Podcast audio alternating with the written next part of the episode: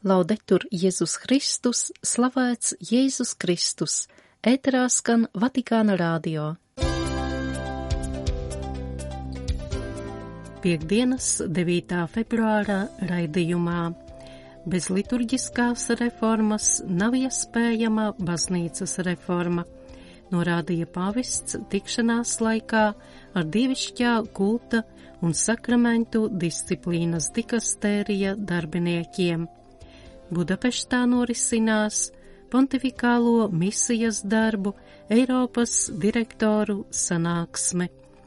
Pēc dažām dienām svēto kārtā tiks paaugstināta argentīniešu kristīgā laje Marija Antonija de Paza Figueroja.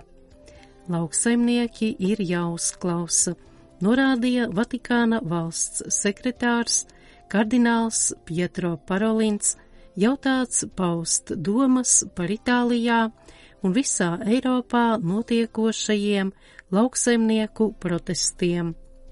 Guangzhou arhibīskaps no Ķīnas, gan Džunču, pastorālajā vēstulē skaidro, kā savienot ķīniešu jaunā gada svinības ar lielo gavēni. Raidījumu noklausīties aicina Inese Šteinērte. Vēlu jums patīkamu klausīšanos!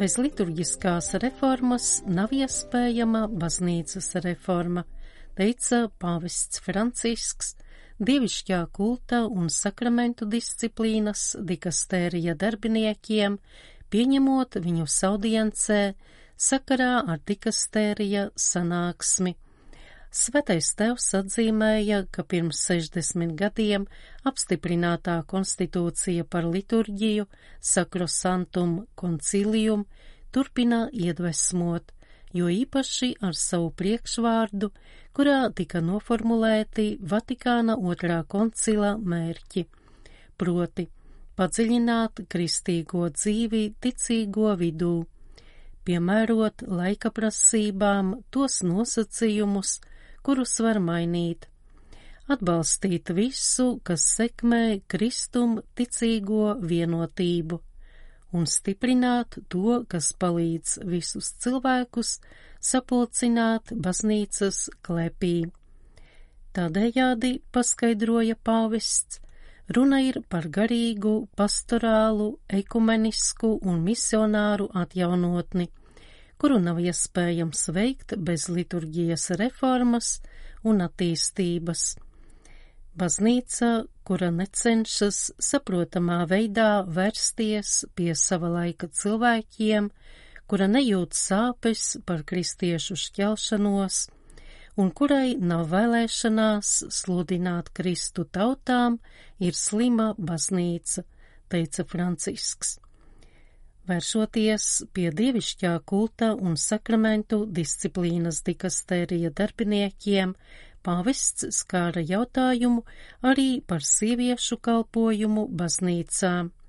Viņš uzsvēra, ka šo jautājumu nevajadzētu skatīt hierarhiskā kalpojuma gaismā, jo sievietei jau pašai par sevi piemīt simbolisks lielums baznīcā kas ir ārpus hierarhiskiem mēriem.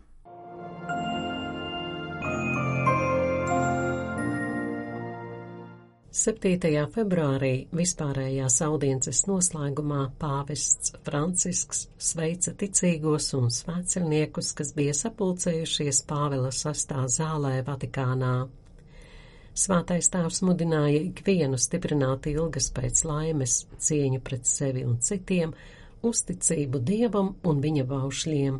E non dimentichiamo le guerre, non dimentichiamo la martoriata Ukraina, la Palestīna, Izraēla. Neaizmirsīsim par kariem, cietušo Ukrainu, Palestīnu, Izrēlu, par rohinģiem, par kariem, kas notiek tik daudzās vietās. Lūksim par mieru. Karš vienmēr ir sakāve, vienmēr. Mums ir vajadzīgs miers sacīja pāvests. Audiences noslēgumā uzrunājot jauniešus, slimniekus, vecāka gada gājuma cilvēkus un jaunlaulātos, Svātais tēvs aicināja lūgt Lurdas diamāti, kuras svētki tiks svinēti nākamajā svētdienā, lai viņa ar mātišķu maigumu pavada viņus dzīves ceļā. Pāvests Francisks piekdien pieņēma audiencē Čikāgas arhibīskapu kardinālu Blasu Žozefu Kupiču un Augsburgas Vācijā diecēzes bīskapu Betramu Johannesu Meijeru. Pāvila sastā zālē svātais tēvs tikās ar vairāk nekā pieciem tūkstošiem svētceļnieku no Argentīnas. Viņš pauda prieku par iespēju tikties ar saviem tautiešiem, kuri mēroja tālo ceļu uz Romu, lai 11. februārī piedalītos Svētīgās Marijas Antonijas kanonizācijas svinībās. Pāvests apsveic Argentīnas bīskapus, priesterus, konsekrētās personas un lājus. Mammas Antulas mīlestība izpaudās rūpēs par ticīgo garīgo formāciju.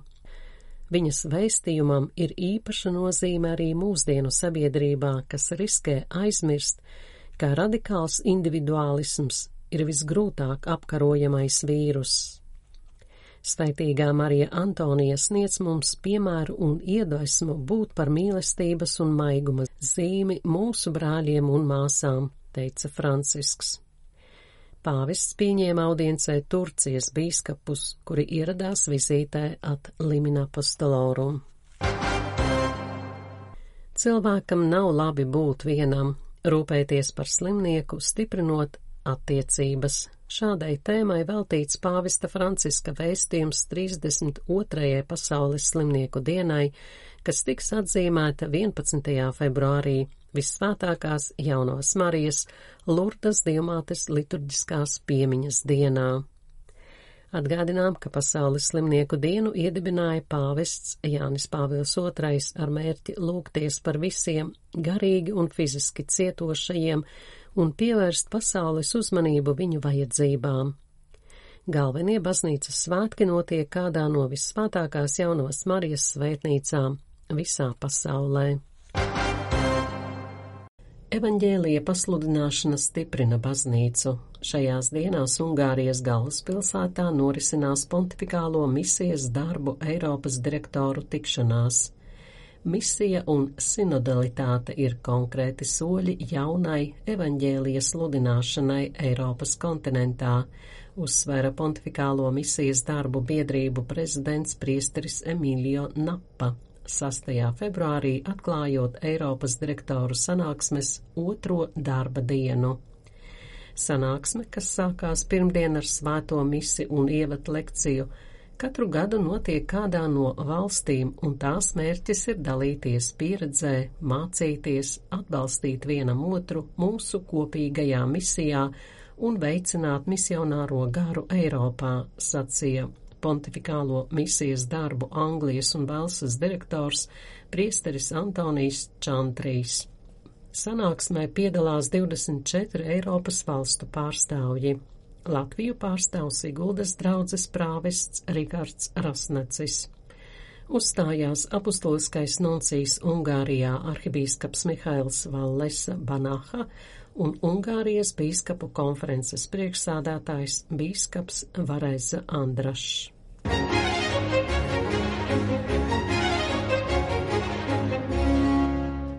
8. februārī Vatikāna preses zālē sapulcējās žurnālisti, lai iepazītos ar 18. gadsimtā dzīvojošās kristīgās lājas Marijas Antonijas de Paza Figuerojas ceļu uz svētumu. Kanonizācijas svinības notiks šī gada 11. februārī Svētā Pētra bazilikā. Nākamā svētā nodibināja daudzas rekolekciju mājas, veicinot kristīgo laju garīgo formāciju un izplatot ignāciskuma garīgumu. Žurnālistus uzrunāja Bonas Airesas arhibīskaps metropolīts Jorge Ignacio Garcia Cuerva, Argentīnas bīskapu konferences sekretārs Laplatas diecēzes bīskaps Alberto Džermans Bohatevs un Marijas Antonijas kanonizācijas procesa postulatore Silvija Koreāle. Pāvests Francisks 2016. gada 27. augustā pasludināja savu tautieti par svētīgu.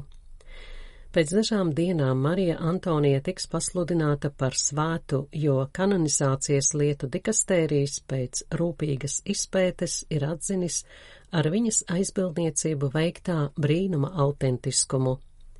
Runa ir par kāda jauna vīrieša, kurš cieta no insulta, dziļas komas, septiskā šoka un vairāku orgānu mazspējas, brīnumainu izdziedināšanu. Par Klaudiju, tāds ir viņa vārds, ģimene un draugi neatlaidīgi lūdza sveitīgās Marijas Antonijas aizbildniecību. Pēc dažām dienām vīrieša veselības stāvoklis uzlabojās. Pēc vairāku mēnešu ilgas fizioterapijas Klaudija atkal spēja veikt vienkāršus darbus. Marija Antonija de Paza Figueroja, saukta par mammu Antulu, piedzima 1730. gadā Silipikā, Santiago del Estero rajonā, Argentīnā, turīgā ģimenē.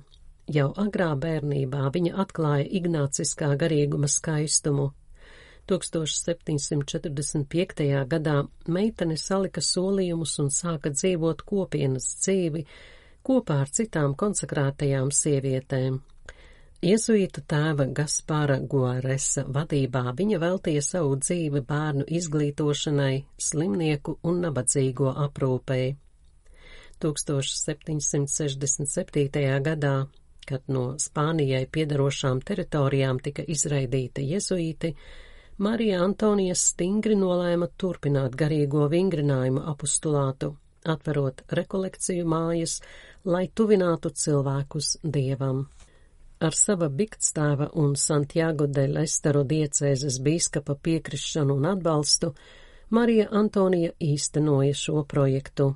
Viņa daudz ceļoja, lai izplatītu ignāciskuma garīgumu un atvērtu jaunas rekolekciju mājas. Dedzīgās kristietes vēlme doties tur, kur Dievs vēl nav pazīstams, aizveda viņu uz Urugvaju, ķelni un Montevideo. Buenos Airesā viņa atvēra Santa Casa de Exercicios Espirituales māju. Viņa nomira 1799. gada 7. martā 69 gadu vecumā. Tiek laists, ka viņas dzīves laikā aptuveni 80 tūkstoši cilvēku guva labumus no svētā Ignācija garīgo vingrinājumu pieredzes. Svētīgās Marijas Antonijas mirstīgās atliekas šodien glabājas žālsirdības dievmātes baznīcā Buenas Airesā.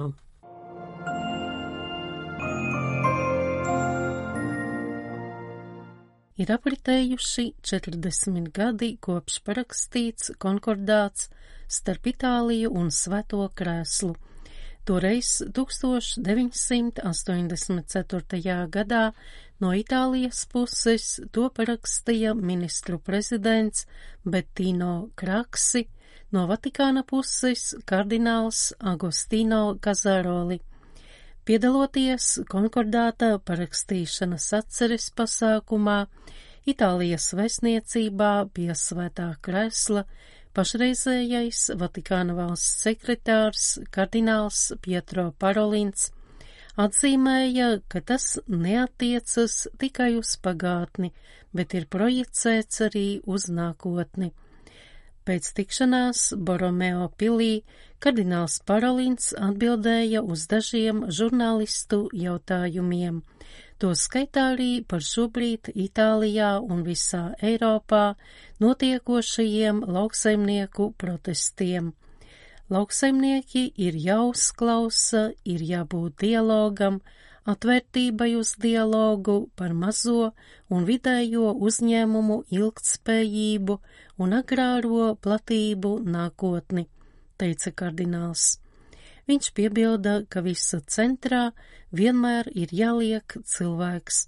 Tā tad ir jāizsargā viņa cieņa un jādod viņam iespēja izteikt savus vislabākos priekšlikumus.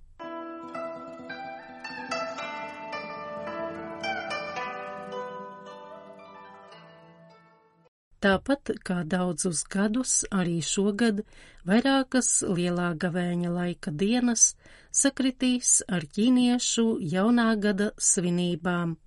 Šī sakritība saistās ar to, ka abi notikumi ir balstīti uz mēnesis kalendāru. Var šķist, ka gavēnis un ķīniešu jaunais gads ir pretrunā viens otram. Gavēnis ir gavēšanas, atturības un gandarīšanas laiks, bet jaunais gads ir prieka un līksmības svētki. Guanžau arhibīskaps no Ķīnas Gan Džunču pastorālajā vēstulē šī gada gavēņa sakarā cenšas parādīt, kā kristīgs skatījums var atrisināt šķietamo pretrunu. Arhibīskaps raksta, ka patiesībā visas darbības, kuras ir mīlestības vadītas, galu galā ir veltītas dievam. Tāpēc aiz sevis atstājot pilsētas dzīves vientulību un dodoties pie saviem tuviniekiem, ierodoties savās dzimtajās mājās, kur valda atkal tikšanās prieks, vienlaikus iespējams izdzīvot arī pelnu trešdienas liturģiju, atzīstot, ka arī tā ir mūžīgā tēva aicinājums atgriezties mājās. Gavēņa laika vēstulē ar nosaukumu Radi man šķīstu sirdi Dievs, arhibīskaps gan Džunču rāda, kā mēs, kristieši, varam iegremdēties Dieva mīlestībā un piedošanā arī priecīgajā ģimeņu satikšanās brīdī. Jaunais gads ir ar Dievas pagātnei, lai pieņemtu nākotni, turpina Guanžou arhidiecēzes vadītājs. Līdzīgā veidā kristīgajā gājumā piedošana un grēku nožēla – nozīmē teikt ar Dievas pagātnei un paļāvīgi iet pretim jaunam laikam.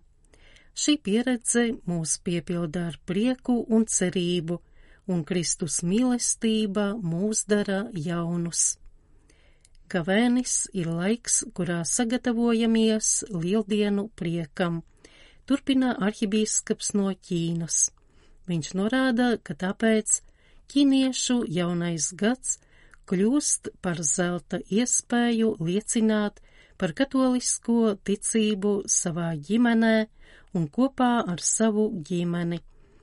Jaunā gada priekšvakarā arhibīskaps aicina piedalīties pateicības svētajā misē kopā ar saviem tuviniekiem, pateikties Dievam par aizējošo gadu un lūgt svētību nākamajam gadam lūdzoties un saņemot sakramentus, ne tikai glabāsim katoliskās ticības vienreizīgumu un savas kultūras tradīcijas, bet liecināsim arī par to, ka kristīgā ticība ir dāvana, kas vienmēr visos apstākļos paliek mūsu sirdī, raksta arhibīskaps Džunču.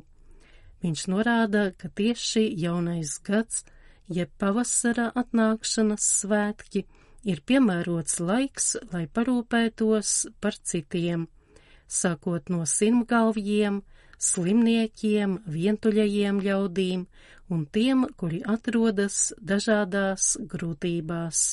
Thank you.